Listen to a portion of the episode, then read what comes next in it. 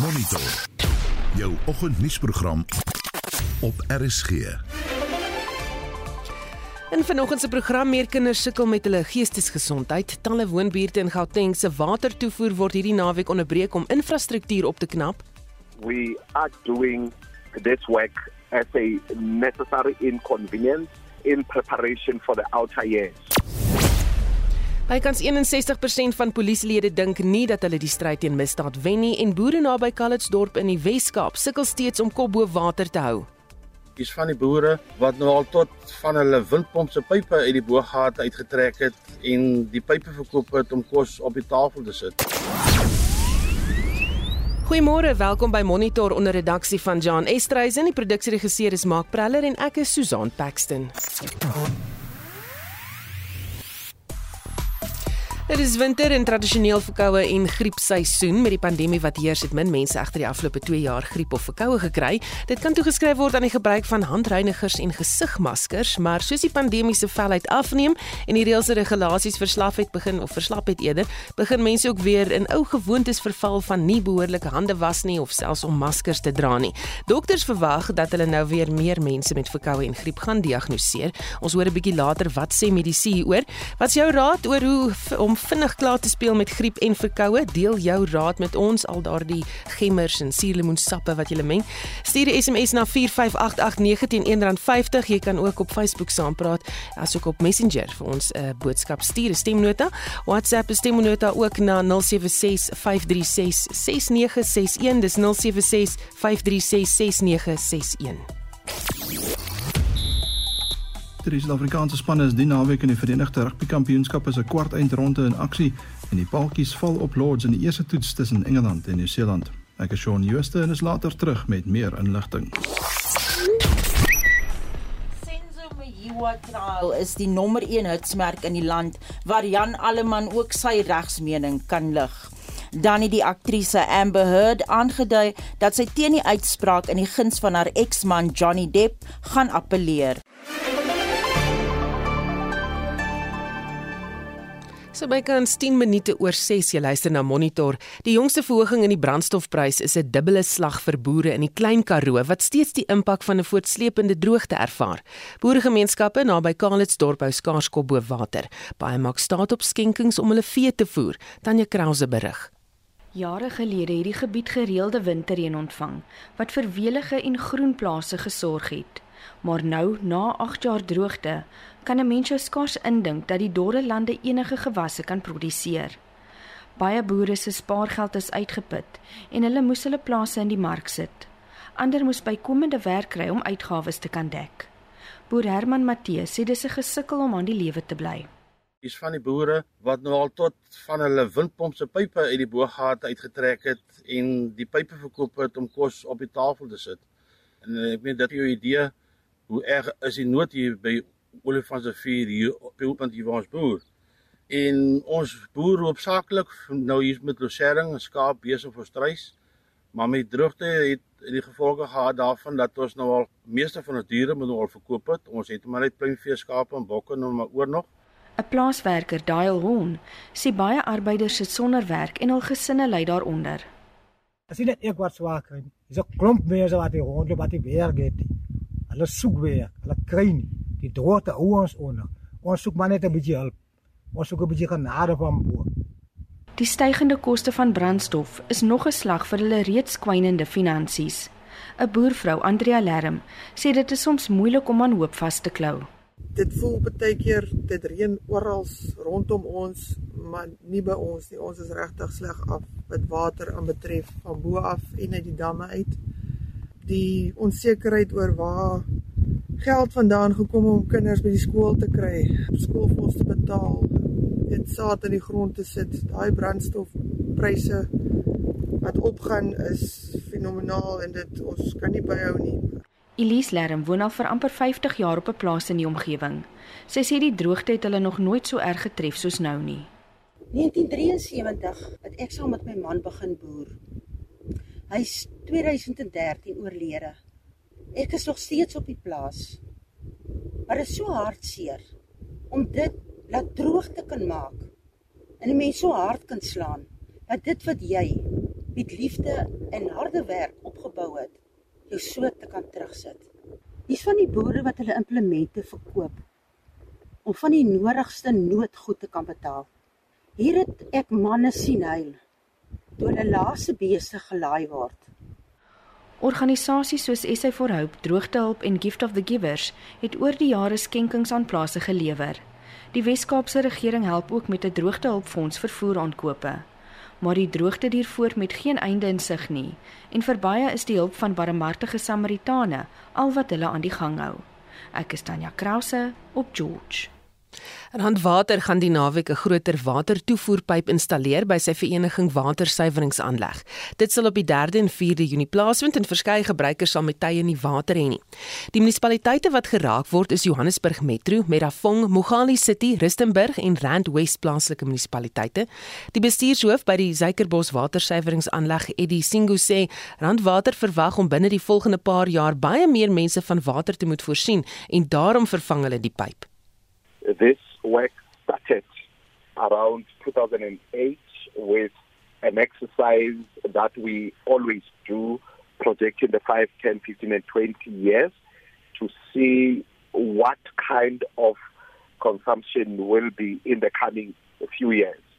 So, what the outcome of that exercise was that around 2024, 2025, the area around your Renbeck, Drankjesfontein, Beltevreden Park will be growing, meaning that our current pipeline, which is the F34, which is our old pipeline, which it is 1,000 millimeter in diameter, will not be enough.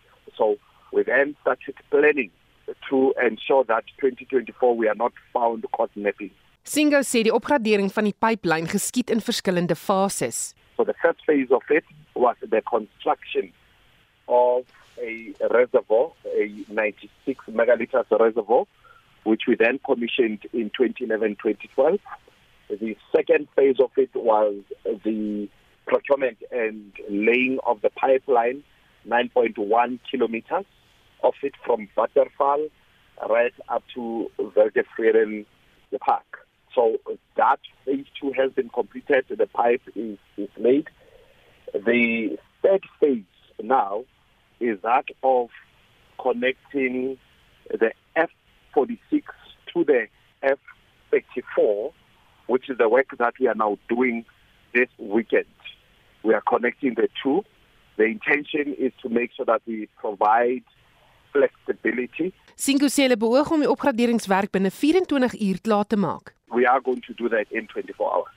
Remember all of the preparatory work we've been doing and as we speak now, the team is there making sure that the preparations are done, stabilizing the area because one of the excavations will be exactly adjacent to the road. So we must stabilize that place. So preparatory work is being done, but the exact work now will take 24 hours. Singe vra dat mense tydens die 24 uur water spaarsaam sal gebruik. What we are expecting from the water users one is really to understand that we are doing this work as a necessary inconvenience in preparation for the outer years. They should work with us. We will be doing a lot of them all over the 3,500 kilometer network of rainwater. So let them work with us. We are ensuring that we do not fail in the outer years. Secondly, during this shutdown and all the other shutdowns, let's call it maintenance, and all the other maintenance work, we are pleading that the consumption patterns should then be dropped. So if under normal circumstances I wake up and clean up my pavement, wash the car and my garden, for the coming four or five days, let's desist from doing that so that we can retain as much water in the reservoirs because that's what we will need after that 24 hour shutdown.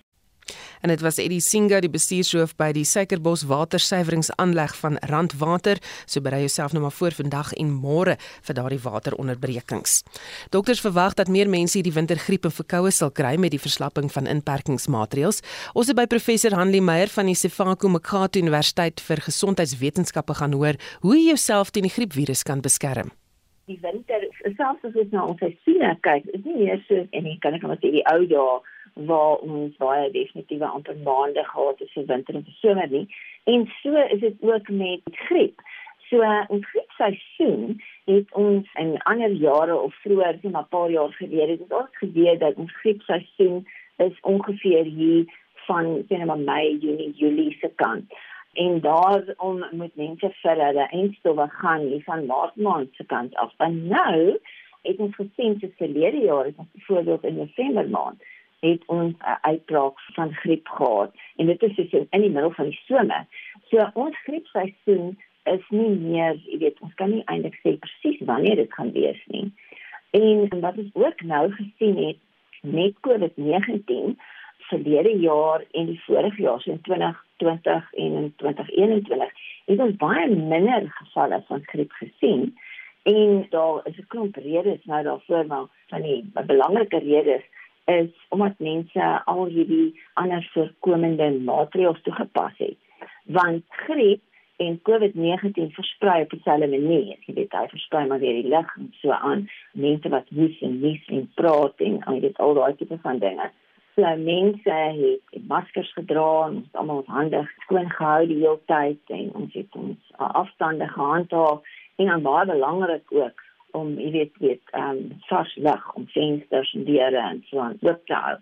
En dit het dan ook gehelp dat daar nie so baie griep versprei het van een persoon na die volgende een nie. Dis moet baie minder van dit gesien het. So hulle verwag dat ons hierdie jaar baie meer griep gaan sien in vergelyking met vorige jare omdat van al hierdie regulasies het nou begin verslap en so aan. Nou jy weet ons almal het 'n tipe van 'n winteroorlewingsplan. Ek weet baie mense, hulle verander hulle dieet vir die winter om 'n sterker immuunstelsel op te bou.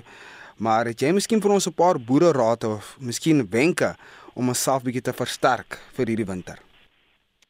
Kyk, voor ek nou gaan praat van wenke en boere raad, ek moet sê dat die heel beste manier om jouself te beskerm teen griep as sowel as COVID-19 want dit is nou maar wat ons nou op hierdie oomblik jy weet nou kyk en wat wat daar is om jou te beskerm daarteen die heel beste manier. En dit is bewys die studies wat gedoen is en so, so daar is bewyse daar wetenskaplike bewyse. Dit is die beste manier om jou te beskerm is deur jou griepinspuiting en jou COVID-19 instof te kry maar ja dit is ook goed om seker te maak jy bly gesond so wat kan jy doen om gesond te bly en maak seker jy volg goeie dieet maak seker jy doen genoeg oefeninge. Maak seker jy vermy dit om byvoorbeeld te rook. Maak seker jou immuunstelsel is sterk. Daar is mense wat nie seker tekortkominge in hulle liggaam het as gevolg van siekte wat die geval ook al nog wees.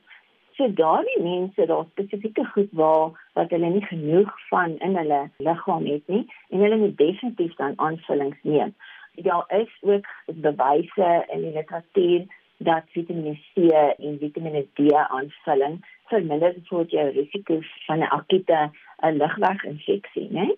En dan weet ons ook dat goeie soos Vitamiene C en dan sink aanvulling ook. Het ons nou veral gesien met COVID-19 en Vitamiene D help dan ook om die tydperk wat jy nou byvoorbeeld 'n lugweginfeksie gaan hê, om daardie tydperk te verkort. Maar ek moet ook sê dat die navorsing wat op hierdie stadium gedoen is, is nie naaste by so baie aan die en die en die bewyse so sterk as byvoorbeeld as jy dit nou vergelyk met wat ons weet alreeds van enstowwe nie. En dan ook natuurlik baie mense gebruik ander goed ook, dit wat mense kry en dit laat jou beter voel. So as jy daai tipe van goed wil gebruik, sou jy siek voel en dit laat jou beter voel ja, verseker jy kan dit dan gebruik. En dit was professor Hanlie Meyer van die Sefako Mkhatho Universiteit vir Gesondheidswetenskappe wat met Winston Mofokeng gepraat het. Dit is steeds Kinderbeskermingsweek en die Suid-Afrikaanse Vereniging van Psigiaters sê mense vergeet dat kinders se geestesgesondheid ook versorg en beskerm moet word. Een uit elke 7 kinders het 'n behandelbare geestesgesondheidstoestand, maar sal nie die nodige behandeling kry nie weens 'n tekort aan spesialiste in Suid-Afrika. 'n Lid van die vereniging, professor Renata Skuman sê, die COVID-19 pandemie het net meer druk geplaas op kinders se geestesgesondheid en dat kinders wat met depressie en angs simptome gediagnoseer word, verdubbel het. Ons het 'n totale tekort aan spesialiste in kinder- en adolessente spesifiek psigiaters dan waarom 33 vir die land is. En as jy kyk ook na kindergeestesgesondheidsorgfasiliteite, is dit regtig beperk. Daar's maar 4 in Gauteng, 1 in KwaZulu-Natal, 2 in die Wes-Kaap. Die ander provinsies het nie. So op hierdie stadium weet ons ook dan dat baie van die gesondheidsorgprobleme, die mental health issues wat ons het in volwassenheid, begin reeds in die kinderjare. So as mens dit vroeër kon optel, vroeër reg behandel, kon mens die totale um, probleme wat ons dan ook later jare sien minstens voorkom en verminder. Hoekom het ons soeke min professionele mense wat kinders kan help? Is daar 'n idee dat kinders nie hierdie tipe probleme het nie? Ja, ek dink dit is 'n groter sistemiese probleem. Ek dink mense moet kyk, verskillende departemente werk nie saam nie. Department of Education, Department of um, Health en Department of Social Development werk baie keer in silos. En daar word ook nie 'n vreeslike groot budget hieraan toegeken nie. As ons kyk van die healthcare budget is dan maar omtrent 5% wat aan geestesgesondheid toegeken word en van daai absoluut net 'n knertsie spesifiek aan kinders.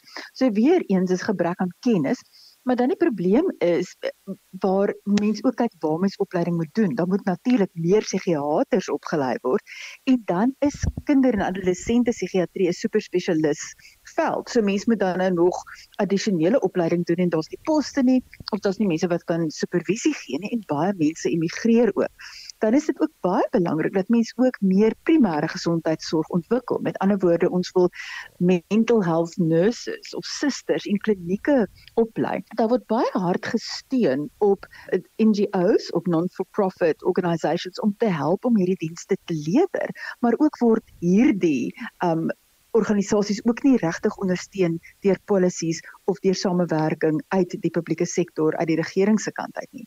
Die laaste plek waar ons natuurlik ook moet begin met meer bewusmaking is ook dan in terme van onderwysers om hulle beter op te lei om probleme raak te sien en korrek te kan identifiseer en dan kinders toepaslik kan verwys. So dis definitief 'n sistemiese probleem wat ons sien die pandemie byvoorbeeld, hoe groot was die impak van die pandemie op kinders en hulle geestesgesondheid? Daar's 'n klomp verskillende studies, maar een interessante een wat so 'n maand terug gepubliseer is, het gewys dat dit amper verdubbel in kinders in in terme van probleme. En ons weet daar's 'n uh, verskeie faktore van die pandemie wat daartoe bygedra het. Die totale isolasie, die die absolute disruption van die familie en skoolroetines, die die vrees om siek te raak, die vrees om iemand te verloor en dan was daar ook net 'n gebrek aan toesig wat baie keer kon kinders die skool gaan nie, maar ouers moes gaan werk en dit het groot impak gehad beide op hulle skolastiese ontwikkeling, maar ook in terme van hulle sosiale ontwikkeling. En verder weet ons dan dat kinders wat wel oormatige toegang het tot skermtyd en die internet en sosiale media word definitief ook negatief geïmpakteer. Bekostigbaarheid, diere suite. So bekostigbaarheid van geestesgesondheidstoestande. As jy aan komplikasies dink, is dit relatief duur, maar as mens voorkomend begin optree en ons begin kyk na stresweerbaarheid van kinders, of ons probleem probeer kinders vroegtydig identifiseer wat at risk is of hoe risiko kinders is, mens kan hulle ondersteun, is die kans dat hulle dan voluit um, mental health disorders ontwikkel natuurlik minder vir sekere toestande op die ou einde baie bekyk na medikasie en sê dit is verskriklik duur. Medikasie is duur, maar daar is ook bekostigbare alternatiewe of generiese produkte. Maar ons het 'n probleem in die publieke sektor wat baie van hierdie medikasie net eenvoudig uit voorraad is en daar word nie nuus ingekoop nie of daar word gesê medikasie is te duur, maar daar word nie ander voorsiening en ondersteuning ook gegee nie. Verder is mense geneig om net te dink in terme van medikasie as die antwoord, maar daar's ook nie ondersteuningsdienste nie. Daar is nie sielkundiges nie, daar is nie arbeidsterapeute nie ensovoorts. So ek dink dit is kortsigtelik om te sê die behandeling en voorkoming van geestesgesondheidstoestande is duur. Die effek wat dit het, het op 'n kind se kwaliteit van lewe, op 'n gesin se kwaliteit van lewe en op hulle langtermynuitkomste en ook dan die ekonomiese impak in 'n gesin of selfs op ons land se ekonomie is baie groter as wat mens vroegtydig geïntervene het. En dit was professor Renata Skooman, 'n lid van die Suid-Afrikaanse Vereniging van Psigiaters. Nou ons het vroeër berig dat daar bykans 100 000 verkragters, moordenaars en ander geweldsmisdadigers vry in die gemeenskap rondloop omdat daar geen DNS-monsters van hulle geneem is nie. Die wysigingswetsontwerp op die strafreg is van dese week deur die nasionale vergadering aanvaar. Die direkteur van gees of eerder gemeenskapsveiligheid by die burgerregte organisasie Action Society, Ian Cameron sê, die uitvoerende gesag moet nou so spoedig moontlik die wysigingswetsontwerp bekragtig. Ek dink dit is belangrik om konteks te gee dat hierdie stuk wetgewing nie noodwendig 'n nuwe stuk wetgewing as sulks is nie. Dit was net nooit op 'n permanente basis in plek nie. Soos jy reg gesê het, 2017 het dit tot 'n eintlik tot 'n einde gekom en almal het gewag dat die staat aksie neem om te sorg dat dit permanent in werking tree of permanent in werking gesit word en dit het nie gebeur nie. So sedertdien is daar ongeveer 100 000 skedule 8 oortreders, dis tipies moordenaars, verkragters, verdagtes wat betrokke is by mensenhandel ensovoorts wat vrygelaat is sonder dat DNS monsters by hulle geneem is. So dit beteken dat in 'n land waar ons astronomiese hoë persentasie van mense het wat gereelde of reeks oortreders is, is die kans dat hulle nou weer dieselfde misdrijf of erger gaan pleeg baie baie goed en ons geen manier vir ons om deur DNS hulle te kan koppel aan nuwe sake nie. En dit was eintlik eenvoudig. Dit wil vir my lyk like, asof daar net nie die politieke wil was om seker te maak dat dit reg geïmplementeer word nie en daarom het dit gesloer tot nou. Wanneer ons kyk na hierdie nasionale register vir seksuele oortreders, bestuur die polisie hierdie register korrek? Nee, ek dink soos meeste ander registers en databasisse in die polisie is dit 'n redelike gebroke stelsel. Min van die stelsels in die polisie het dit nou administratief of operasioneel of selfs logisties word baie akkuraat bestuur. Ek dink dit skiet definitief te kort. Ons gaan 'n groot uitdaging hê as hierdie wetsontwerp in werking tree wat dit hoogs waarskynlik gaan want dit gaan beteken dat daar toenemende druk op die forensiese laboratoriums van die polisie is en daar is reeds 'n agterstand met DNS analise wat gedoen moet word. 6de Mei het dit gestaan op omtrent 58000 sake en onthou dit is 'n geïsoleerde hoeveelheid wat eenkant gehou is weg van nuwe sake wat ingekom het. So dis deel van die oorspronklike agterstand getal. Jy sal onthou toe ons gepraat het van die 300 000 agterstand. Ehm um, met elkeen van daai stukke DNA sit jy met omtrent 4 bewysstukke wat geanaliseer moet word. Ek dink daar is 'n definitiewe probleem met hierdie nasionale DNA database. Daar bestaan so database en hierdie stuk wetgewing was eintlik die perfekte manier om daardie database dan nou vol data te maak wat in die toekoms as verwysing gebruik kon word met reeksoortreders of gewoonteoortreders en dan natuurlik nuwe oortreders wat dalk op 'n manier gekoppel kan word aan tonele of slagoffers. Een praat met ons oor die ander uitdagings wat ons miskien hier het. As ons kyk na die DNS laboratoriums, 'n gebrek aan tegnologie, miskien bekwame mense, ehm um, sodat die regstelsel hulle werk kan doen en vervolgings kan doen. Ek dink daar is nog heelwat kundigheid daar. Ek weet van verskeie senior beamptes in die polisie wat regtig baie baie ervare is en ontsaglik goed in hulle in hulle werk is. Ek moet wel sê dat tegnologie tekort skiet in baie plekke. Polisielede het al baie vir my verduidelik dat hulle sit met toerusting wat nie gediens is nie. Hulle sit met toerusting wat nie in stand gehou word nie, wat oud is. Hulle het nie genoeg menslike hulpbronne nie en as gevolg van interne politiek verlaat baie lede die polisie. En dit was een kamer in die direkteur van gemeenskapsveiligheid by die burgerregte organisasie Action Society wat met Winston Mofokeng gepraat het. Ons praat oor griep en verkoues en hoe jy dit dalk kan keer of miskien kan weghou of behandel. Bets Ferreira sê ons gaan elke jaar vir die griepinspuiting neem vitamiene en uh, sorg dat ons na donker lekker warm binneshuis is. Ons is 70 plussers, dan uh, moet mens maar verder net duim vashou. Ek skiem saam met jou daar Jack. Waterboer sê as jy saans klaar gebad het, bly binneshuis, moenie onnodig buitekant rondloop nie. Gaan vir jou jaarlikse griepinspuiting, meng suurlemoen, heuning en kaneelpoeier. Dit werk baie goed, dit verlig jou hoes en streel ook 'n seer keel. Groete uit Strydенburg. Dankie Jack. En dan sê nog 'n luisteraar Elise de Villiers Antoinette Pinaar het eendag gesê hou jou kuiltjie toe. Ek dra dwars deur die winter serpe en drink vitamiene en krye tee en ek bly so gesond.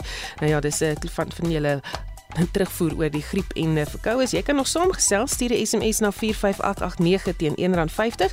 Jy kan op Facebook saampraat, asook op die Messenger toepassing dalk vir ons 'n stemnota stuur, uh, of jy kan vir ons 'n WhatsApp stemnota na 0765366961 stuur. Ons beweeg na die buiteland. Dis reeds die 100ste dag sedert die Russiese inval in Oekraïne. Maar Lies, wat se jongste? Ah ja, die land se president Volodymyr Zelensky het wetgewers in Luxemburg toegespreek en bevestig dat Russiese magte 'n vyfde of 20% van sy land se grondgebied beset. In die voorste linie strek oor meer as 1000 km. Russiese magte is intussen ook besig om al aanvalle in die oostelike Donbas-streek te verskerp en het beheer geneem oor die grootste deel van die stad Severodonetsk. En sowat 15000 burgerlikes is in die stad vasgeskeer in skuil in die Azot chemiese aanleg. En die intense gevegte daar maak die ontruiming van burgerlikes onmoontlik. In Amerika het president Joe Biden die Kongres gevra om wetgewing oor wapenbeheer nigter te benader. Wat gebeur op die oomblik daar? Na die massaskietvoorval by die laerskool in Uvalde in Texas, was daar intussen nog 20 ander massaskietvoorvalle in Amerika. En tydens die voorval in Texas 2 weke gelede is 19 kinders en 2 onderwysers doodgeskiet. Maar in die jongste massaskietvoorval is 4 mense Woensdag by 'n mediese sentrum in Tulsa, Oklahoma doodgeskiet. En Biden vra dat die Kongres 'n verbod op aanvalsgewere soos die AR-15 plaas wat in die meeste aanvalle gebruik word. Here's what the overwhelming majority of American people believe we must do. Here's what the families in Buffalo and Uvalde in Texas told us we must do. We need to ban assault weapons and high capacity magazines. And if we can't ban assault weapons, then we should raise the age to purchase them from 18 to 21. Strengthen background checks, enact safe storage law and red flag laws. Repeal the immunity that protects gun manufacturers from liability. Address the mental health crisis Dit was die Amerikaanse president Joe Biden. Wat gebeur alles die naweek tydens die koningin se jubileumviering in Brittanje? Koningin Elizabeth gaan nie vandag se nasionale dankseggingsdiens bywoon nie, nadat sy gister ongesteld begin voel het. Sy het wel gisteraand deelgeneem aan die geskiedkundige vaandelparade. En sy sou ook môre die Epsom Downs Derby besoek het, maar sy sal dit bo alle waarskynlikheid ook nie bywoon nie. En daar word gehoop dat die koningin Sondag van die Paleisbalkon die finale skou en 'n konsert saam met Ed Sheeran sal kan kyk. Dink opwindend, maar Lee Skeepers met 'n oorsig van wêreldnuus gebeure.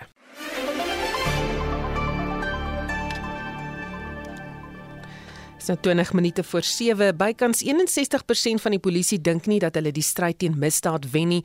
53% van polisielede glo hulle kollegas is korrup en 54,11% glo dat hulle kollegas hul mag misbruik. Dis van die statistiek wat in die parlement bekend gemaak is deur die voorsitter van die portefeulje komitee oor polisie, Tina Jumat Petersen. Die adjunkminister van polisie, Kassel eh, Matale, het tydens die sitting gesê hy dink nie die statistiek moet openbaar gemaak word nie omdat dit 'n meningspeiling was onder sy eie lede vir sy eie gebruik. Ons praat nou met 'n dosent in polisiepraktyk aan die Noordwes Universiteit, Kobus Steenkamp. Goeiemôre Kobus.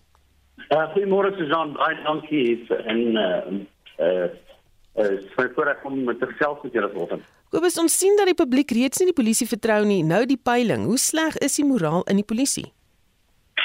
Uh, ja, Susan, miskien net eers begin eergister uh, was die verslag op die agenda geplaas um, van die parlementêre uh, portefeulje komitee uh, oor polisie uh, onder voorsitterskap uh, voorsitterskap van uh, Bajima Petersen. Um, en uh, die die verslag um, of die klimaatstudie is verlede jaar gedoen en die doel van so 'n klimaatstudie is om min of meer te bepaal in wat die gevoel en wat die onderstrominge in 'n organisasie is. In die geval was dit die Suid-Afrikaanse Polisie Diens. En uh, um, dit blyk dat dat uh, die kwessies wat aangespreek is tydens die uh, pedofilie uh, komitee sitting uh, dat dit nie goeie nuus is vir die vir die polisie nie in terme van die moraal uh, van van uh, die polisiediens. Hmm.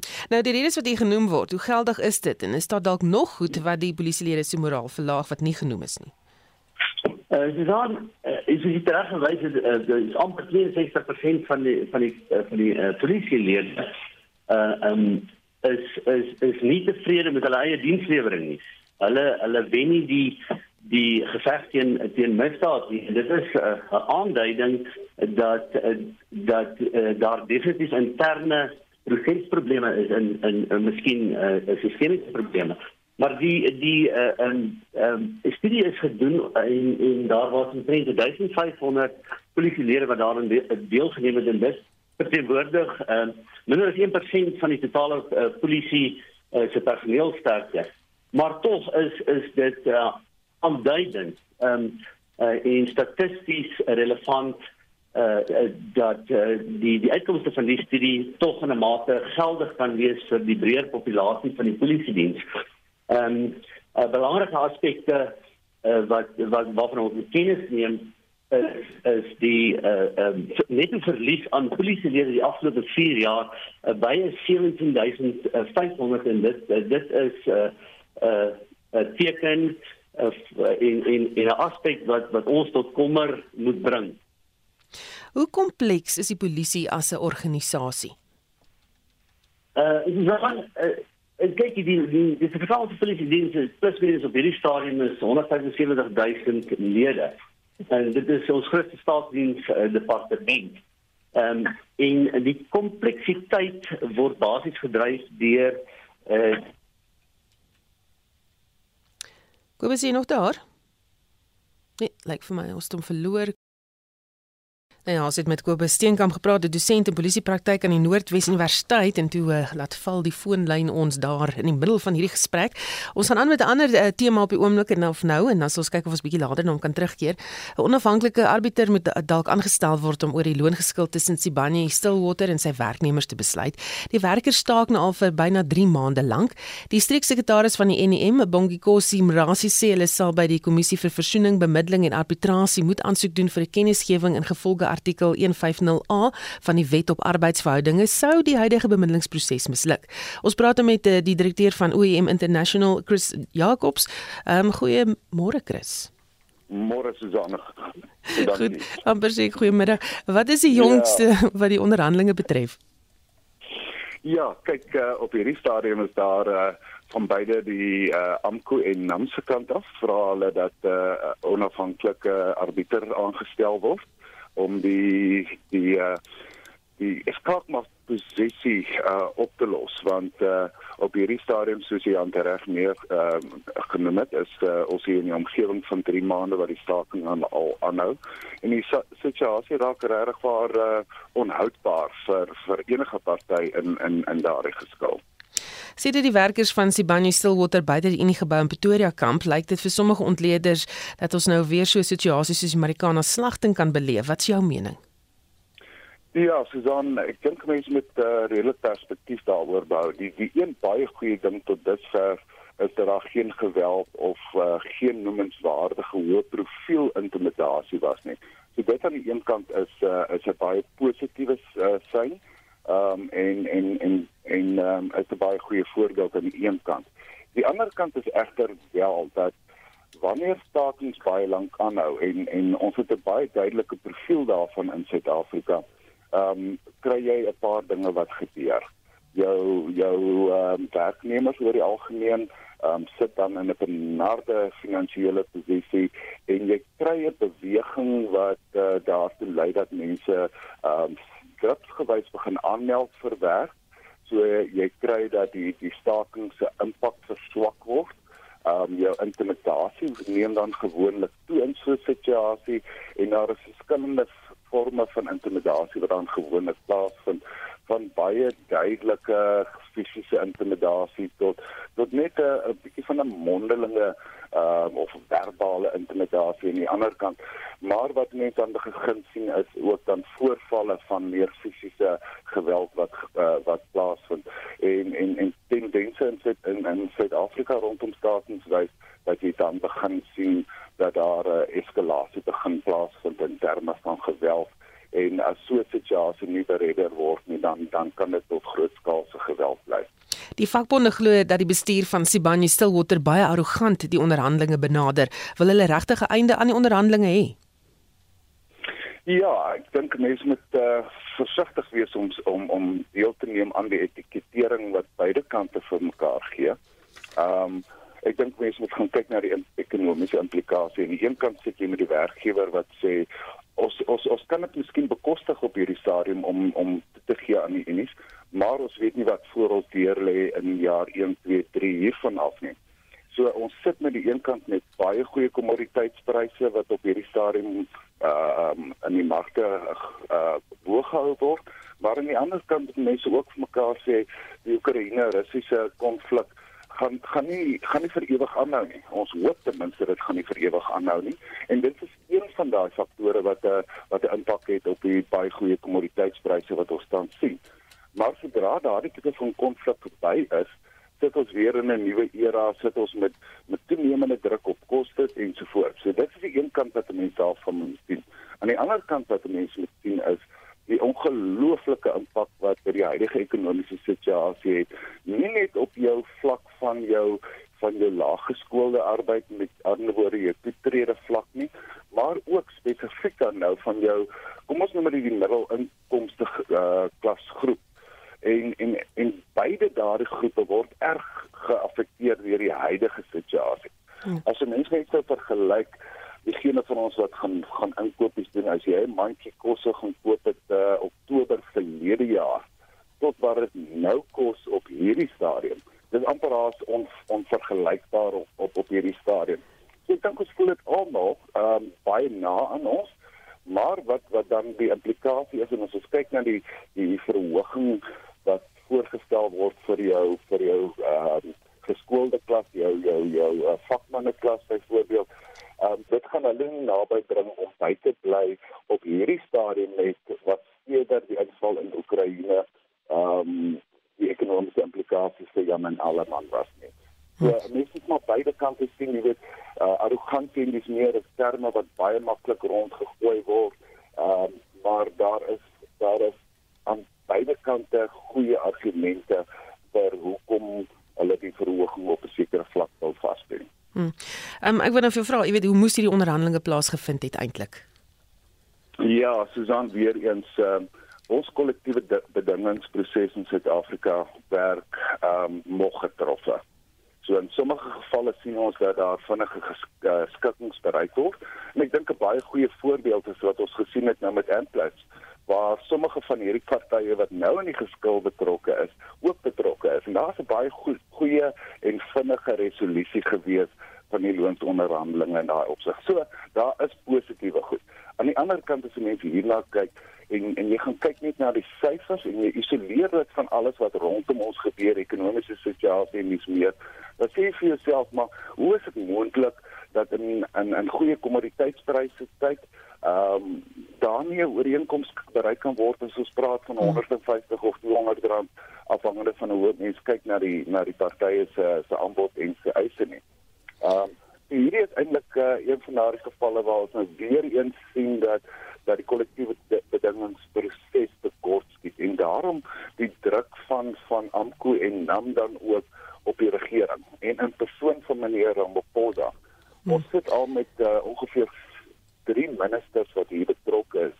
Ehm um, ons sit met Tulas uh, Tulas Nkwezi, ons sit met Kwedi Mantashe um, aan daai kant. So hulle probeer na die politieke druk komponent, hulle probeer die uh, goed uh, of die of die uh, dreigement van 'n sekondêre staking. So die druk neem toe op Sibanye in in in daai opsig. So in daai in daai opsig laat dit nie toe vir ons kollektiewe bedingingsproses om om om regtig waar sy verloop te neem nie. Ja, uh, hulle het hulle wel tot die CCMA beroep en en dit was 'n goeie stap in die regte rigting en die CCMA het hulle gestuur in die rigting van arbitrasie. Baie dankie, dit was eh, Chris Jacobs, die direkteur van eh, OIM International wat hom op konflikresolusie toespits. Die minister van Kuns, Kultuur en Sport kan maar nie die pale van Suid-Afrika uitlos nie. Nadat sy vlagpaal in Pretoria tydelik die wind van voor gekry het, fokus hy nou op die Afrikaanse Taalmonument teen Parelberg. Sy aanbeveling is dat dit inklusief gemaak word en slegs die Taalmonument genoem word. Dr Willem Botha van die WAT praat dus vanoggend uh, oor monumente en pale en lyk vir my daar telefoonlyne wil nou net vir ons moeilikheid gee. Hy's nou pas daar van die lyn af. Intussen het ons vir Kobus Steenkamp in die hande probeer kry en weens die tydsdruk gaan ons dalk uh, eerder met hom gesels in Spectrum vanmiddag. So as jy belangstel in daardie onderhoud oor die polisie en hoe hulle voel en vaar, dan uh, kan uh, jy inskakel op Spectrum tussen 12 en 1 vanmiddag. Intussen het ons vir Dr Willem Botha terug. Goeiemôre Willem. Goeiemôre Susan. Wat staan soos 'n paal bo water in hierdie paalpolitiek van die minister? Die agbare selfaangestelde minister van Paale wil hê dat die monument in die Parel meer inklusief moet wees en daarom moet die Afrikaanse weggelaat word ten einde die naam inklusief te maak van al die inheemse tale. Maar die minister is laat.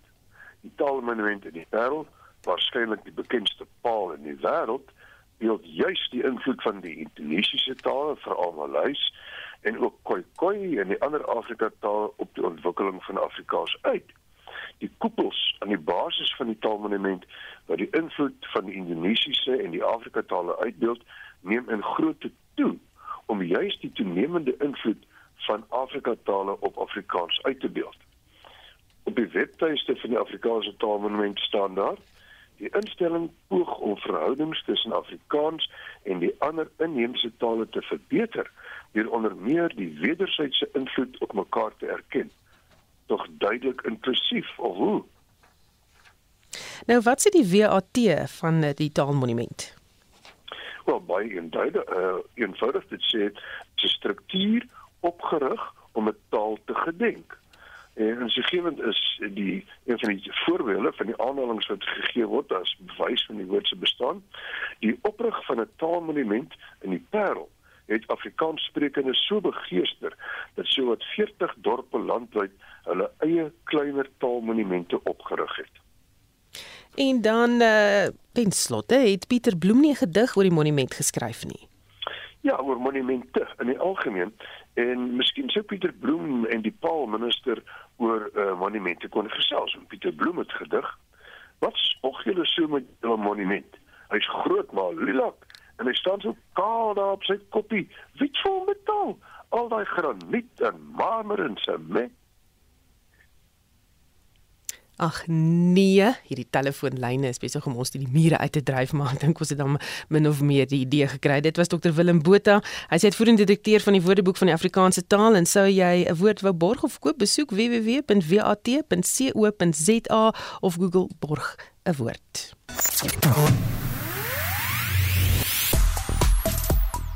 Gys Visser het vir ons 'n boodskap gestuur op Messenger. Hy sê smeer skoon bloekomolie dikwels voor aan die nek weerskante van die slukdarm. Baie dankie Gys Visser. Ehm um, dis 'n baie sterk reuk daai. Ek weet nie of dit dalk jou asem sal wegslaan nie. Dan nog iemand wat sê drink baie water met suurlemoensap, baie sonlig, Vitamiene D, haal diep asem. Is iemand van Emma Lagleni wat vir ons laat weet daarvan. Dan op die Monitor en Spectrum uh, Facebook bladsy sê Johan Oberholzer, 5 liter rooibos tee, rou heuning na smaak, 4 suur suurlemoene se sap uitgedruk, lekker baie gerasperde gemmer, meng alles saam, drink koud. Ons gesing drink dit so skooldrank wanneer ons dors is en dit help daar met die immuunstelsel lyk dit vir my. En nog 'n luisteraar wat gesê het dat uh warm ginger ale en disprin help vir haar. Dis Linda Lottering en Ronel Treter seker sê nou sukkel ons erg met sinusitis hier in die Oeverberg. Ons sukkel met daarmee hier in Johannesburg ook voel dit vir my. En uh, ja, baie dankie dat jy saamgesels het vanoggend. Jy kan steeds saamgesels oor al hierdie interessante dinge. Nicoline Smalman wat sê het onlangs 5 weke lank met lastige griepsimptome gesukkel en was heelwat sieker as verlede jaar toe ook die Delta variant van COVID onderlede gehad het. Ek het dit behandel met anti-inflammatoriese pynstillers, 'n asem uh, vir asma pompe eerder wat kortison bevat, rus asook lemoensap met gemmer en borrie. Ramaphosa must go maak ook wêreldwyd opslaa dit nadat Arthur Fraser strafregtelike klagte teen die president ingedien het. Vrae word ook aan die presidentsie gerig oor die omstandighede rakende die beweerde wandade wat gepleeg is. Nou ja, onthou vanmiddag in Spectrum gaan ons voortmiddag gesprek oor die polisie en uh, natuurlik daardie uh, peiling wat gedoen is onder polisielede en hoe hulle voel oor die diens wat hulle lewer, korrupsie onder lede. Um, ons gaan gesels met Kobus Steenkamp, hy is 'n dosent in polisiepraktyk aan die Noordwes Universiteit, so jy moet inluister of luister vanmiddag tussen 12 en 1 daarvoor. Vorige uitsendings van Monitor is op RSC se webblad as 'n potgooi beskikbaar gaan net na www.rsg.co.za. Onthou om in te skakel vir ons ander nuusaktualiteitsprogramme Spectrum tussen 12 en 1 vanmiddag, asook Brandpunt omstreeks kwart voor 6. Jy kan nie daardie program misloop nie. Ons het namens ons uitvoerende regisseur Nicoline de Wee, die redakteur John Estreisen en produksieregisseur Mark Praller bly geskakel vir op en wakker net hierna. My naam is Susan Paxton.